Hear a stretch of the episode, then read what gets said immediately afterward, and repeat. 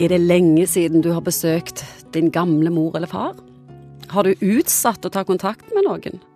Kanskje du har sagt noe dumt, sluntra unna treningen, eller har noen du absolutt burde sagt unnskyld til. Hva har de da, psykolog Egon Hagen?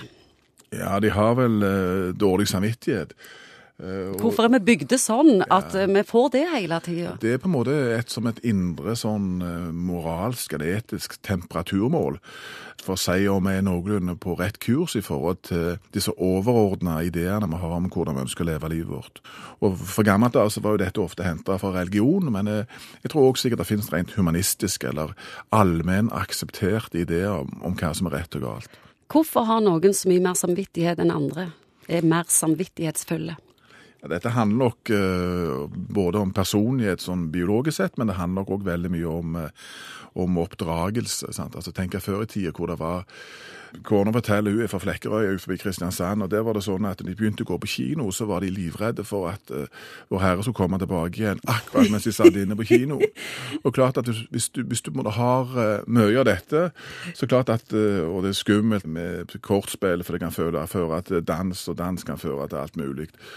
Så klart at Historisk sett så har det vært mange sterke triggere egentlig for, til å få dårlig samvittighet for en drøss med ting. Og så mange småbarnsforeldre, og kanskje spesielt de, de skilte, de bader jo i dårlig samvittighet. Ja, dårlig samvittighet, og så skal de prøve å reise kjerring igjen. Og så istedenfor å være eh, far sånn som det var når du og, mor, du og, mor, var sammen, så blir du på en måte en sånn slags uh, julenisse 365 dager i året, og det, det er ikke spesielt lurt, det heller. Så har du disse menneskene som appellerer til vår dårlige samvittighet. Hva har du å si om de?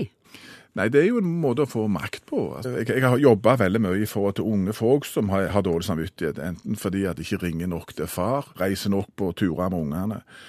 Og Noen ganger så er jo klart at dette indre, indre temperaturmålet er veldig viktig, men noen ganger så kan rett og slett termometeret være litt feil rett og slett at du får utslag før det egentlig er grunn til å få utslag. F.eks. hvis du har en far som har vært notorisk slaur og drukket og lagt bråk for deg egentlig hele oppveksten, så er det ikke nødvendigvis sånn at du trenger å få dømt dårlig samvittighet for om du ikke ringer. Han har uh, rigga livet sitt sånn som det passet han, og gjør du dumme ting, så, så blir det ofte òg dumt til slutt, òg for, for denne faren.